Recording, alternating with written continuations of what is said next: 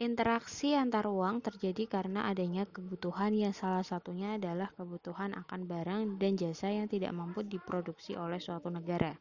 Negara yang memasok kebutuhan tersebut memperoleh keuntungan ekonomi dari barang dan jasa yang dipasoknya.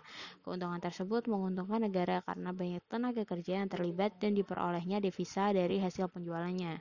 Bagi negara yang dipasok kebutuhannya, keuntungan diperoleh dari barang dan jasa yang diperolehnya. Barang dan jasa tersebut dapat berupa barang konsumtif maupun untuk keperluan produksi, misalnya mesin-mesin industri. Kemudian yang kedua adalah pengaruh perubahan dan interaksi ruang antar negara terhadap kehidupan sosial. Interaksi antar negara dan benua juga melibatkan manusia sebagai pelakunya. Interaksi sosial antar manusia yang memiliki kehidupan sosial berbeda kemudian terjadi. Interaksi tersebut dapat terjadi dengan saling bertemu atau melalui media komunikasi. Kehidupan sosial dapat berubah karena adanya pengaruh dari interaksi tersebut.